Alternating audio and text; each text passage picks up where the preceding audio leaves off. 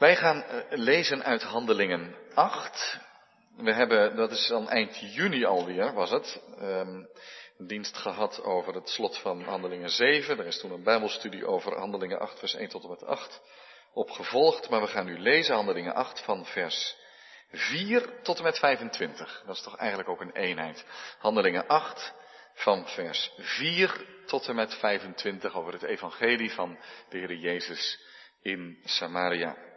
Handelingen 8 vanaf vers 4. En daar lezen we Gods woord als volgt. Zij dan die overal verspreid waren, trokken het land door en verkondigden het woord.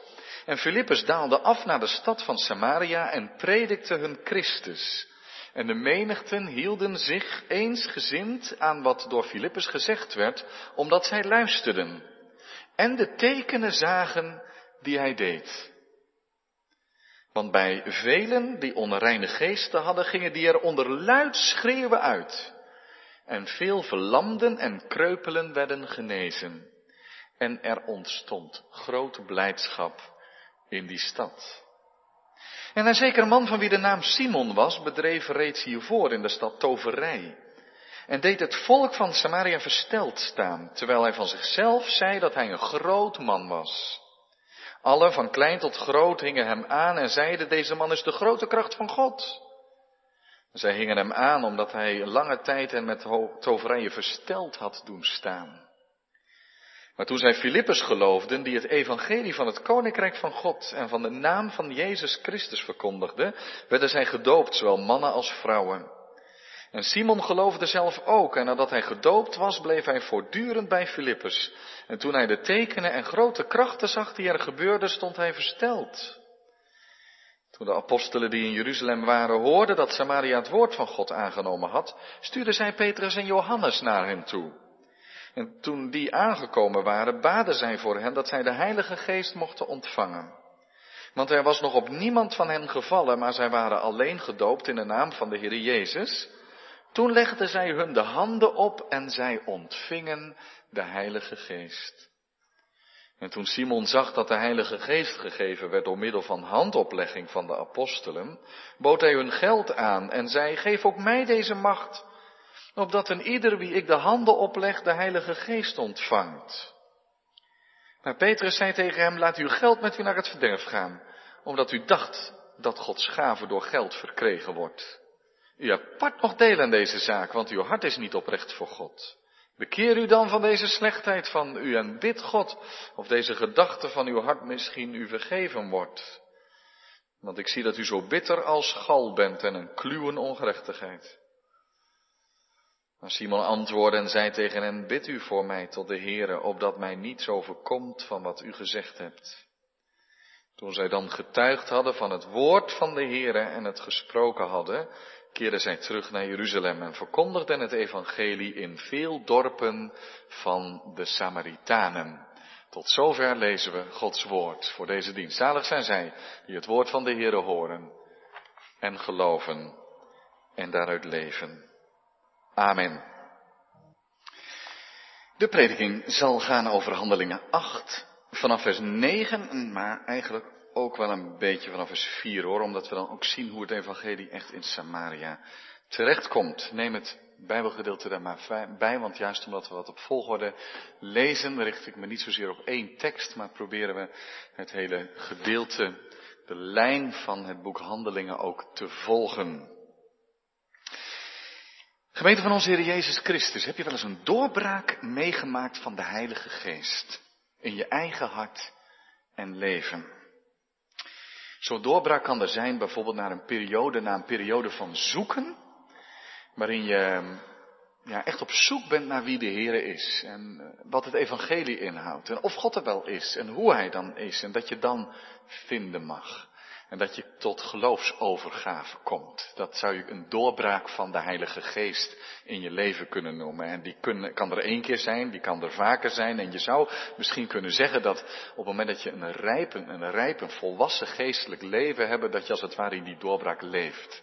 Als er iets uh, het leven met de Heer doorkruist, dan ga je naar de Heer toe, omdat je altijd weet dat je bij Hem terechtkomt. Dat is een rijp geestelijk leven. Maar het kan ook wel eens zo zijn dat je bij de Heer vandaan dwaalt en dat je het niet goed in de gaten hebt en dat je het te veel accepteert en dat je het gewoon vindt. Maar dat dan, om welke reden ook, iemand op je pad of in een preek of, of hoe dan ook, maar dat je opeens weer stilstaat en denkt, wat heb ik gedaan? En dat er dan weer een nieuwe doorbraak is. Dat de Heilige Geest je krachtig tot de orde roept en weer brengt aan de voeten van de Heer Jezus. Heb je wel eens een doorbraak van de Heilige Geest meegemaakt in je leven? Je hebt dat als iemand bijvoorbeeld helemaal niet eerst gelovig was en, en tot geloof komt. Dat kan. Maar wat is het heerlijk om als kind in een gelovig, godvrezend gezin op te groeien. Als je dat hebt gekregen van huis, het is een geweldig geschenk. Dan heb je misschien niet een grote overgang meegemaakt. Maar ook dan kan het goed zijn bij het opgroeien dat je op een gegeven moment tot een doorbraak komt. Dat wil zeggen tot een stap in het geloof. Dat je zegt, ik geloof het nu ook echt zelf. Ik heb het niet alleen meegekregen, maar ik geloof het zelf. En dat gebeurt misschien op het moment dat die vraag je heel concreet gesteld wordt. Waar sta je? Misschien in je jeugdwerk, of in de prediking, of dat je zelf met de Bijbel bezig bent, of, met vrienden daarover hebt. Dat zou helemaal geweldig zijn. En dat je dan tot overgave komt. Een bewust moment dat je je leven toevertrouwt in de handen van de Heer. Dat is ook een doorbraak. En dan kunnen er nieuwe doorbraken zijn. Dan kunnen doorbraken heel persoonlijk zijn van de Heilige Geest. Het kan ook iets breder, een gezin, waar een hele andere wind gaat waaien. Dat kan. Dat er één aangeraakt wordt door de Heer en anders gaat leven. En als het, het gezin er als het ware in meeneemt. Wat is het bijzonder. De, de Heer is in dit gezin komen wonen. Het kan nog breder. Het kan een familie raken. Het kan een volk raken. Het kan een stad betreffen. En, dat, en dan zijn we waar we eigenlijk hier wezen moeten. We lezen hoe het evangelie doorbreekt in mensenlevens, maar hier ook echt in een stad. Of ook een volk. De Samaritanen komen tot geloof. Er is in Samaria echt een doorbraak. En dan bedoel ik dat op twee manieren. Dus daar heb ik een beetje naar gezocht hoe die twee lijnen van dit gedeelte als het ware onder één kopje gevangen kunnen worden. En dat is dat het evangelie een doorbraak beleeft in Samaria. De doorbraak van het evangelie in Samaria. En dat zien we op twee manieren. De eerste is, er worden grenzen verlegd, of overschreden zou je ook kunnen noemen. Grenzen doorbroken. Want eerst was het evangelie in Jeruzalem en in Judea, maar nu komt het ook in Samaria. Het duurt nog maar heel even, of het gaat ook naar de heidenwereld. Dus de doorbraak van het evangelie door een grens heen van alleen de Joden. Het gaat nu ook naar Samaria. Dus grenzen verlegd. En de tweede, machten overwonnen. Want die Simon die was me er. Maar het beste wat hij nu nog kan doen is zijn knieën buigen om genade van de Heer Jezus te smeken, want er is er maar één, de Heer van deze wereld. Dat is ook een doorbraak dwars door de duistere machten heen in Samaria. De doorbraak van het evangelie in Samaria. Grenzen verlegde machten overwonnen. Aan het begin van handelingen, handelingen 1 vers 8, staat dat het evangelie een bepaalde route zal gaan. De Heer Jezus heeft het gezegd. Je moet in Jeruzalem blijven, dan komt de Heilige Geest, Pinksteren. En dan zal het evangelie verkondigd worden. En eerst in Jeruzalem, Judea, dan in Samaria en dan tot aan het einde van de wereld. Samaria hoort daar nadrukkelijk bij. En we zien het gebeuren in handelingen. In handelingen 2 zien we dat de Heilige Geest wordt uitgestort. En ze spreken het evangelie in allerlei talen, maar het zijn nog alleen de Joodse mensen die daar tot geloof komen. Maar dan komt hier Samaria in beeld. Het is de eerste grote grensovergang van Jeruzalem naar Samaria. En twee hoofdstukken verder in Handelingen 10, we zullen dat zeker nog zien, heb je weer een grensovergang, want dan gaat het evangelie ook naar de heidenwereld. Met Petrus die daar een visioen voor nodig heeft, omdat hij het wel weet dat die opdracht er is, maar hij er nog helemaal niet aan toe is om het evangelie ook in het huis van Cornelius te gaan verkondigen. Het is nog een grote doorbraak dat het evangelie tot aan de heidenen komt. Dus de Samaritanen zijn een soort tussenstap, zou je kunnen zeggen. Wij denken vaak in Jood of Heide, en dat snap ik natuurlijk, want dat doet de Bijbel verder ook vaak. Paulus heeft het of Jood of Heiden. Maar die Samaritanen, die staan daar ook een beetje tussenin, tussen Jood en Heidenen. Die waren het. Je kunt ze trouwens nog bezoeken vandaag de dag. Als je in Israël bent, in het heuvellandschap ten noorden, ruim ten noorden van Jeruzalem. Veel meer dan een toeristische attractie is het niet, maar er leven nog Samaritanen met hun eigen godsdienst. Ze zijn ontstaan toen Israël in 722 voor Christus weggevoerd werd naar Assyrië. En de politiek van Assyrië was om andere volken dan maar op die oude plek te zetten, zodat je meng, mengvolken kreeg, want die waren niet machtig. Die hadden geen eigen cultuur, die konden niet in opstand komen. En zo was ten noorden van Judea een heel gebied van een mengbevolking gekomen. Die, die half Joods waren, zou je kunnen zeggen. Maar, maar natuurlijk niet echt. Ze hadden de zuivere lijn niet bewaard. Ze geloofden wel in de Torah, in de vijf boeken van Mozes, maar de rest van de Hebreeuwse Bijbel, die hadden ze aan de kant gelegd. Die gold niet voor hen, niet de profeten. En Joden keken misschien daarom wel extra op hen neer. Zo van, het, het waren niet heidenen, het waren niet Joden, maar wat waren ze nou wel? Nou, het waren Samaritanen. En dan moest je het liefst met een grote boog omheen. Dat waren duidelijk geen echten. Je keek erop neer. Er waren conflicten geweest, zelfs gewelddadige conflicten tussen beiden. Maar hoeveel de Joden ook op de Samaritanen neerkeken, de Heer Jezus niet. Die moest door Samaria gaan en zocht daar die vrouw op bij de waterput, die niet alleen een Samaritaanse was, maar ook een leven had wat niet paste bij die Torah van Israëls God. Maar zij kreeg de liefde van de Heer Jezus als levend water tot zich. En toen bleken de Samaritanen al zeer ontvankelijk te zijn, open voor het evangelie. We geloven, zeggen de mensen van Samaria dan, we geloven niet meer omdat u dat zegt. Maar we hebben hem nu zelf ontmoet, de Heer Jezus. En later vertelt hij de gelijkenis van die barmhartige Samaritaan. God heeft zijn liefdevolle ogen ook op Samaria laten vallen. En Filippus, de diaken-evangelist, die gedreven is door het evangelie van de Heer Jezus Christus en een heel breed takenpakket heeft, zou je kunnen zeggen, die reist naar Samaria. Dat is geen kleine stap. Hij doorbreekt een taboe. Filippus heeft blijkbaar als evangelist het geloof dat de Heilige Geest werk te doen heeft in Samaria. Nog een stap in geloof. Ook dat is van de Heilige Geest. En dan komt die hele stad tot bekering. Massaal komen ze tot bekering. Daar staat Filippus in zijn eentje daar te preken. En zelfs kwade, boze machten, geesten worden uitgedreven. En gillend en schreeuwend verlaten ze de mensen. En, en, en Filippus spreekt daarbij dat er maar één Heer van de wereld is. En dat het Jezus Christus is. De gekruisigde die de dood heeft overwonnen. En nu alle macht heeft in hemel en op aarde. Velen komen tot geloof. Eigenlijk zou je kunnen zeggen de hele stad. Het is een massale bekering. Een geweldige doorbraak van de geest. En dat geeft bevrijding. Er komt grote blijdschap in die stad. En ook dat is iets, daar moet je maar niet overheen lezen. Waar de geest van Christus komt, daar is vreugde. Daar worden banden gebroken. Er is bevrijding. Er is herstel. Er is vergeving. En er is ook vreugde. De doorbraak van de Heilige Geest geeft blijdschap. Velen komen tot geloof en worden gedoopt. En men hoort dat in Jeruzalem, zegt vers 14. We laten die Simon eventjes op sterk water staan, die komt straks wel weer. Maar eh, nu eerst naar vers 14. Dan horen ze in Jeruzalem dat daar wonderen gebeuren in Samaria. Een doorbraak van de Heilige Geest.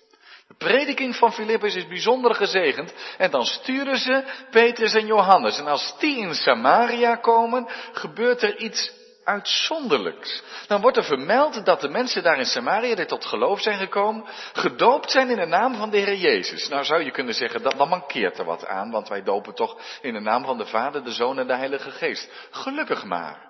Want wij hebben dat van de Heer Jezus overgeleverd gekregen. Maar ook in Handelingen 2 staat, dat als die 3000 tot geloof komen, dat ze gedoopt worden in de naam van de Heer Jezus. Dat is geen wezenlijk verschil, want zij worden vanuit de wereld, als het ware, afgesneden van hun oude leven. Dat betekent de doop. Ze worden ingeplant in Christus, op zijn naam gezet. Ze vallen nu onder één koning en dat is de Heer Jezus Christus. Dat is de betekenis van de doop.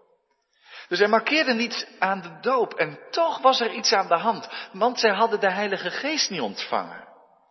Ja, hoe weet je dat dan, zou je kunnen zeggen? Nou, dat wist je pas goed als ze wel de Heilige Geest ontvingen. Dat hebben ze blijkbaar heel duidelijk gemerkt. Dat er een bijzondere blijdschap kwam en misschien ook wel het spreken in, in die verschillende talen. Dat het een soort herhaling was. In ieder geval werd toen duidelijk dat de Heilige Geest zich nog wat terughoudend, dat zeg ik wel heel menselijk hè, maar toch wat terughoudend had opgesteld. Waarom? Omdat iets duidelijk moest worden. De apostelen vanuit Jeruzalem moesten komen. En zij legden hen de handen op, niet omdat zij de beheerders van de Heilige Geest waren. Nee, ze moeten, staat er, ze moeten erom bidden. Ook zij beheersen het niet. Houd het maar vast als we straks bij Simon komen, want Simon wil het wel beheersen. Die zegt, ik wil die macht hebben, ik wil dat kunstje kunnen doen. Nee, die apostelen hebben de Heilige Geest niet, om maar zo te zeggen, in hun broekzak. En ze kunnen vanuit hun autoriteit, omdat ze nou eenmaal apostelen zijn, die uitdelen waar ze willen. Nee, ze moeten er ook om bidden. Ga niet vanzelf. De Geest waait waarheen Hij wil. Maar Hij wil uitgestort worden op de handoplegging van de apostelen. En dan breekt het Samaritaanse Pinksterfeest aan merkbaar in vreugde. Het is zichtbaar dat nu de Heilige Geest ook over hen gekomen is. Wat, wat, is hier nou aan de hand? Nu, er zijn kringen binnen het christendom die zo'n gedeelte als deze nemen en zeggen, het is dus niet genoeg om in de Heer Jezus te geloven.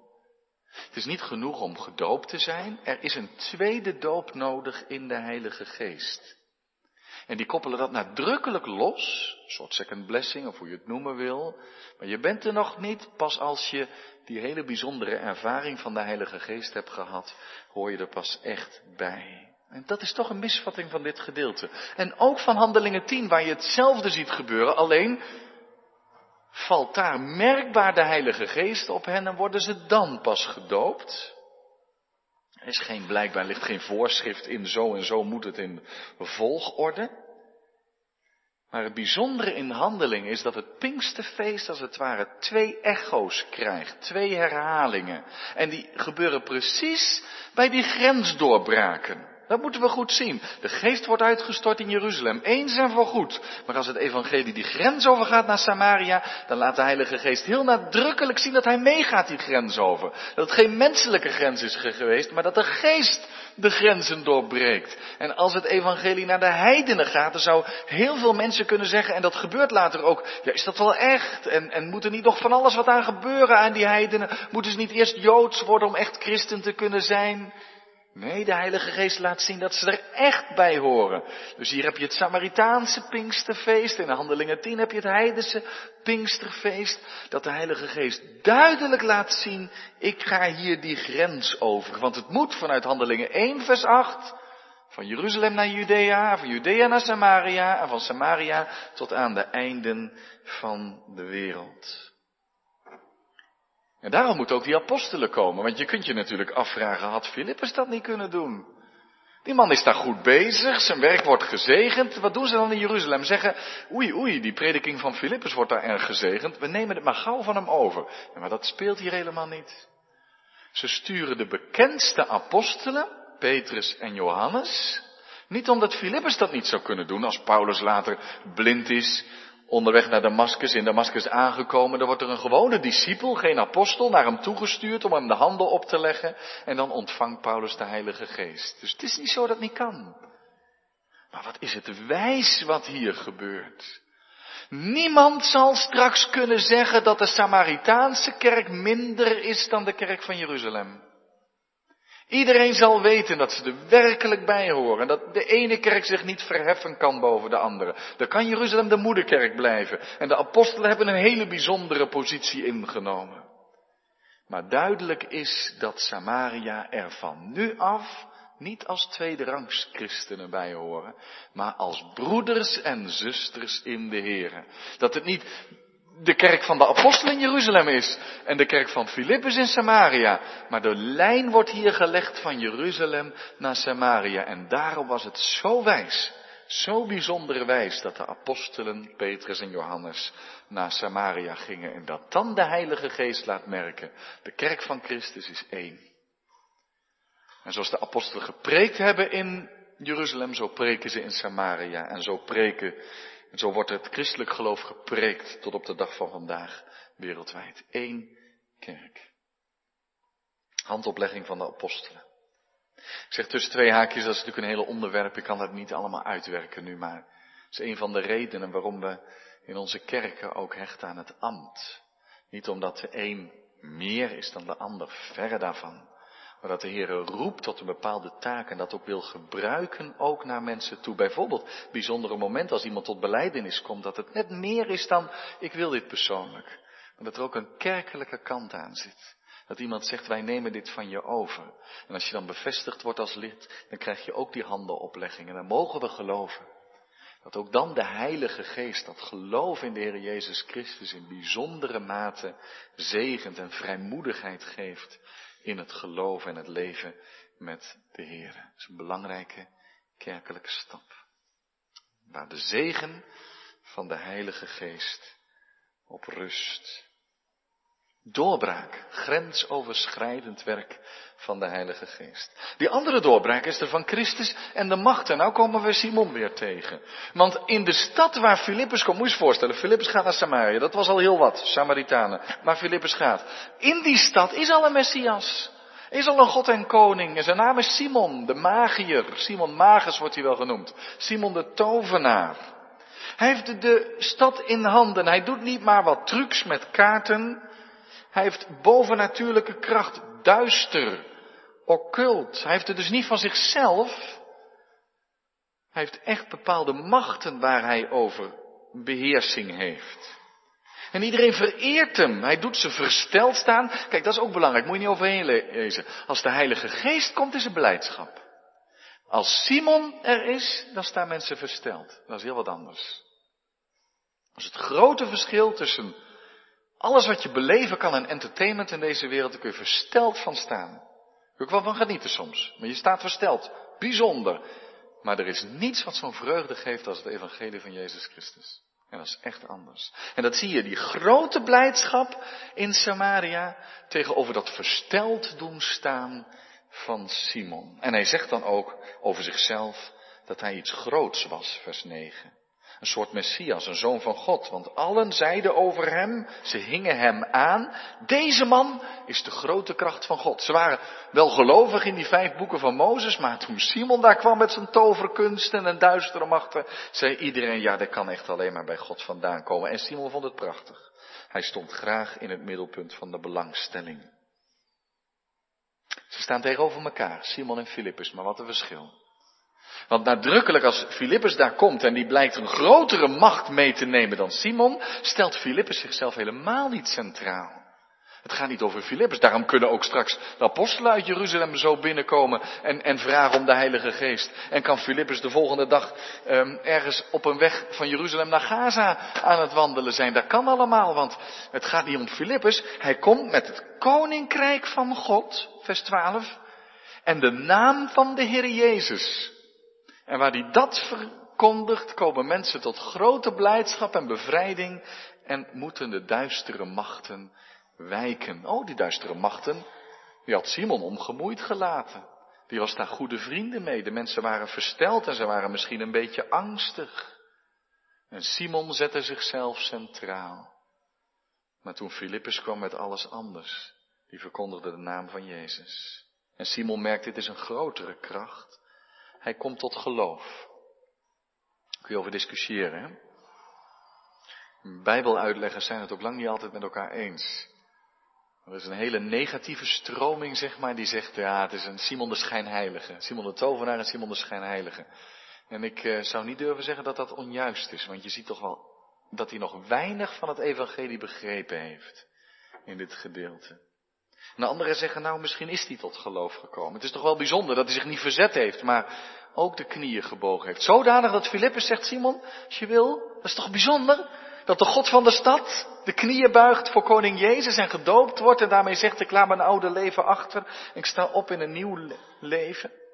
In ieder geval, we hoeven ook niet zoveel te weten van het hart van Simon. Duidelijk is dat de macht van de Heer Jezus er doorheen breekt. De Bijbel zegt altijd, pas maar op met die duistere machten. Met al dat occultisme. Je moet erbij vandaan blijven. Het is niet niks. Je hoeft er ook niet bang voor te zijn. Als je een kind van God door het geloof in Jezus Christus mag zijn. Dan hoeven we niet bang te zijn ook. Dan hoeven we niet bang te zijn. Want er is één naam die zoveel machtiger is dan alle machten in de wereld. Hij die de machten tentoongesteld heeft.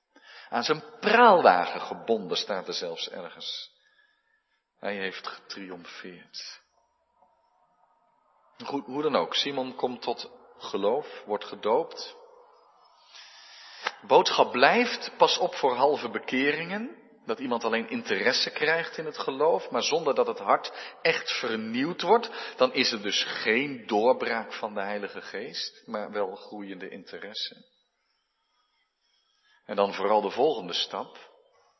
Als iemand dan zegt, kan ik wat doen in de kerk? Dat je dan wel heel goed kijkt, heeft iemand het evangelie begrepen? Een van de belangrijkste dingen bij een taak in de kerk is niet alleen de gave die je hebt ontvangen, is ook heel belangrijk. Maar is vooral, ben je echt dienstbaar? Gaat het je om jezelf, om je eigen naam? Of is het je diepste verlangen dat de naam van de Heer Jezus verheerlijkt wordt? Je ziet bij Simon, of hij nou echt gelooft of niet, laat maar even rusten.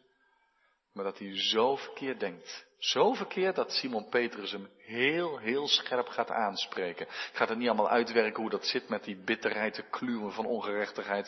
Het is wel uh, um, chockerend pastoraat zou je kunnen zeggen. Dat is het, soms is dat nodig. Uh, het zijn allemaal citaten uit het Oude Testament. Waarin Petrus laat zien dat hij totaal op dit moment spreekt alsof hij niets van het evangelie begrepen heeft. Simon blijft zoeken naar Ah, misschien dat hij daarom in de buurt van Filippus bleef. Ik ben mijn positie in de stad kwijt. Ik moet het afleggen tegen Filippus. Ik ben mijn aanhang kwijt. Ik word maar christen. Dan kan ik misschien daar weer een hoge positie innemen. Zou kunnen. En dat hij zo een beetje net doet alsof hij de naaste medewerker van Filippus wil zijn. En, en dan blijkbaar hebben mensen de geest ontvangen, maar Simon niet. En zegt hij, kan ik niet, eh, ik heb nog wel een, een, beetje geld liggen, kan ik niet wat betalen dat ik dat ook kan, dat kunstje? En dan lijkt hij helemaal nog weer als magiër te denken. En magische mensen, tovenaars, die willen de machten beheersen. De Heilige Geest kun je niet beheersen. Zelfs de apostelen moeten erom bidden. En daarom zegt Petrus, oh, je part nog deel in deze zaak. Je begrijpt het niet waar het om gaat in het evangelie. Hoe kun je nou geld aanbieden? Trouwens, daar komt die uitdrukking vandaan. De term simonie hè, in de kerken. Dat je met geld een bepaalde positie in de kerk zou verwerven. Simonie komt bij deze Simon vandaan. En dan zegt Petrus, het is nu bekeren. Of naar de hel met je geld. Dan is die heel scherp. En dan zegt hij nog, ja, bid voor mij. En dan kun je zeggen, dat is alleen maar angst, dat is niet goed. Laten we maar in de handen van de Heer laten. Wij weten niet wat er met Simon gebeurd is. Blijkbaar voor ons niet zo belangrijk als wij onze les maar leren. En die les hier is de doorbraak van het evangelie. En als die doorbraak er is, dat wij op de knieën komen. We hebben niks meer te beheersen, maar wij worden geleid door de Heilige Geest. Dan zijn er machten overwonnen en komt er blijdschap in ons hart. Een blijdschap die Simon niet had kunnen brengen, maar God wel met zijn koninkrijk. En vanwege de naam van de Heer Jezus. En zo is het tot op de dag van vandaag. Blijdschap en bevrijding als je onder de macht en de genade van de Heer Jezus Christus komt. Welke doorbraak hebben wij nodig? Een stap in geloof, overtuiging en vrijmoedigheid. Bid om de doorbraak die u nodig heeft. De geest is dezelfde.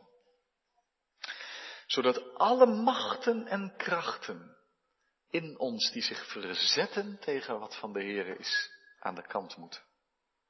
Als bij Simon. Je houdt je adem in als je hoort, daar is Simon de tovenaar. Moeten we daar wel naartoe met het evangelie? Maar in de naam van de Heer Jezus Christus wordt Simon uiteindelijk een bang vogeltje. En Jezus is Heer, overwinnaar over alle machten. Hij kan overwinnaar zijn in ons hart en leven. Daar bloeit de blijdschap. Hij kan overwinnaar zijn, ook in onze omgeving, als er veel is wat zich tegen hem verzet. De geest leeft nog. Hij die Heere is en levend maakt en trekt de wereld door. Wil ook bij ons wonen. En deze geest gaf ons vanmiddag Handelingen 8, vers 4 tot en met 25. Opdat wij nooit meer klein denken van de macht van Jezus. En van de macht en de krachtige werking van de Heilige Geest. En van zijn plannen om deze wereld te winnen voor het evangelie van onze Heer Jezus Christus. Amen.